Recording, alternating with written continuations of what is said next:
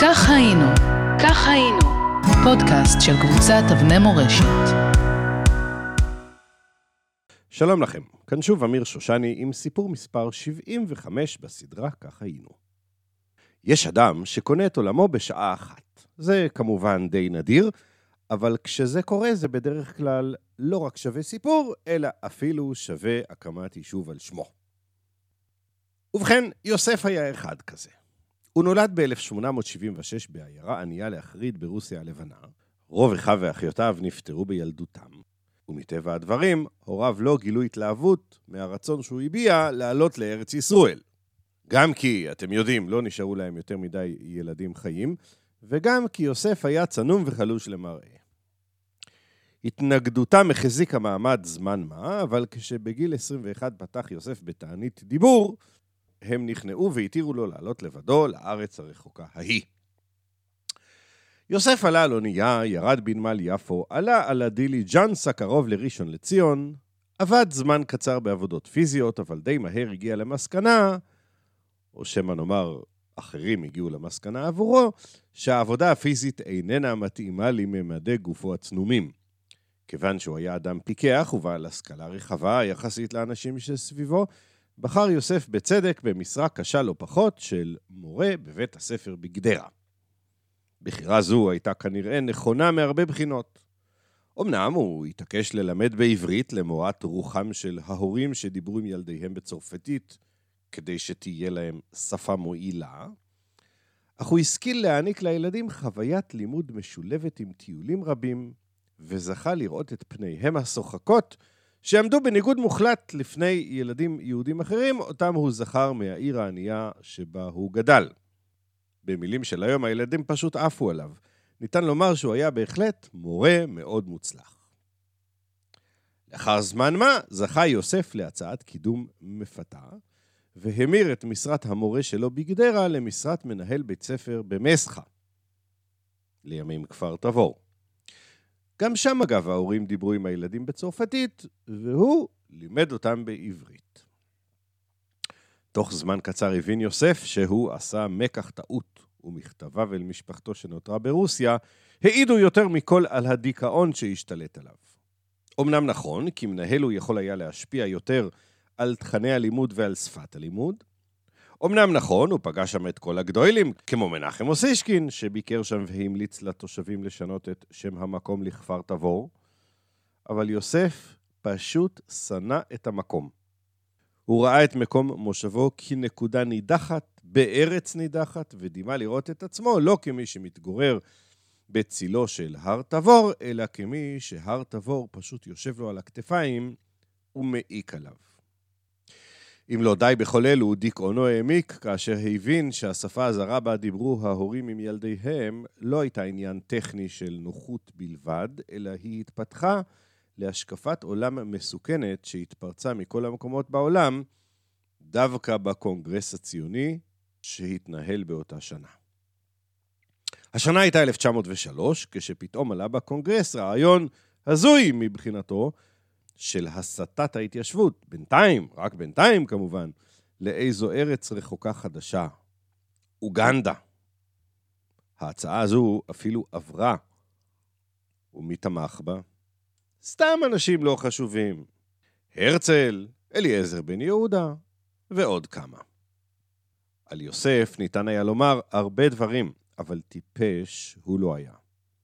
הוא ידע למתוח קו ישר בין התעקשות ההורים לדבר עם הילדים בשפה זרה, שהייתה ביטוי לתוכניות שלהם לרדת מהארץ מיד לכשתזדמן ההזדמנות, לבין הרעיון המשונה הזה להחליף את מדינת הלאום. יוסף ביקש להתנחם בכנסייה הראשונה שסיפרתי לכם עליה, שכינס מנחם אוסישקין בזיכרון יעקב. הכנסייה הראשונה הזו הייתה מתנגדת קולנית לתוכנית אוגנדה. ויוסף, אפילו זכה לנאום בה. כי אוסישקין הכיר אותו מכפר תבור, זוכרים? אבל רעיונותיו החינוכיים, איך נגיד את זה בעדינות, לא נפלו מי יודע מה על אוזניים קשובות. והעובדה שבסופה של אותה אה, כנסייה ראשונה הוקמה הסתדרות המורים, לא יכלה להוציא אותו מהדיכאון אליו הוא נקלע. הוא חש איפה בודד ומדוכא יותר מאשר אי פעם. עוד דיכאונו מתגבר בכפר תבור, ולארץ מגיעים צעירים, פליטי המהומות בגומל. אנחנו בנובמבר 1903, ואלו היו ראשוני העלייה השנייה. אם כי הם כמובן עוד לא ידעו את זה. כמקובל באותה עת, ביקשו הצעירים לכבוש את העבודה החקלאית ולהחליף את הפועלים הערביים.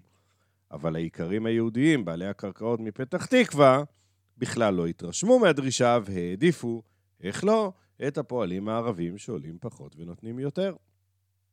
יוסף ויטקין, אם עוד לא ידעתם, חשב שהוא מתפוצץ. הוא הבין שהכיוון בו צועדת התנועה הציונית רע ומסוכן. הוא הבין שאלו שמקבלים הקצוות מהברון רק ממתינים להזדמנות לרדת מכאן למקום אחר. הוא הבין שכיבוש העבודה לבדה לא יצלח כל עוד בעלי הקרקע נמצאים בניגוד עניינים מול הפועלים. היה לו ברור שיש לשנות את הגישה מהיסוד.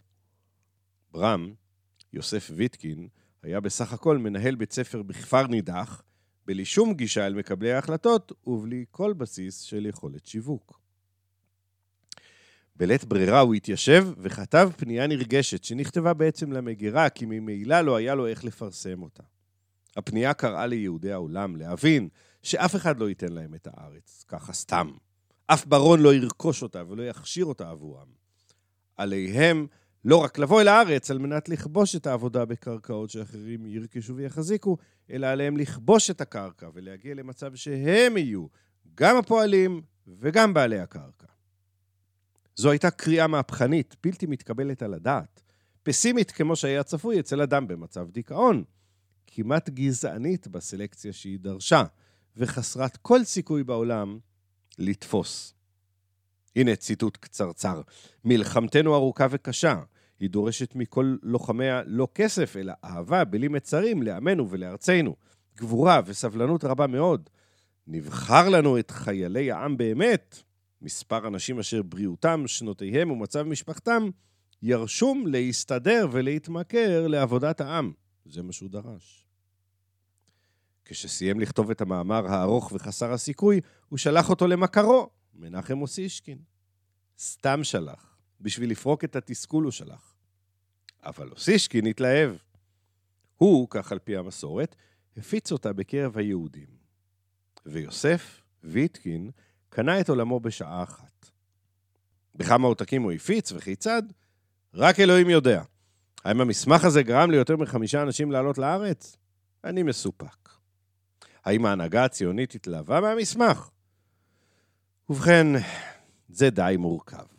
המאמר היה נוגע ללב, הקריאה הנרגשת ליהודי התפוצות בהחלט התאימה להם, אבל תעבורנה עוד ארבע שנים עד שהמסמך שכתב יוסף ויטקין, קול קורא קראו לו, ייהפך לטקסט המכונן של העלייה השנייה ולמצע הפעולה של התנועה הציונית עם הקמתה של אם הקבוצות, הלא היא דגניה.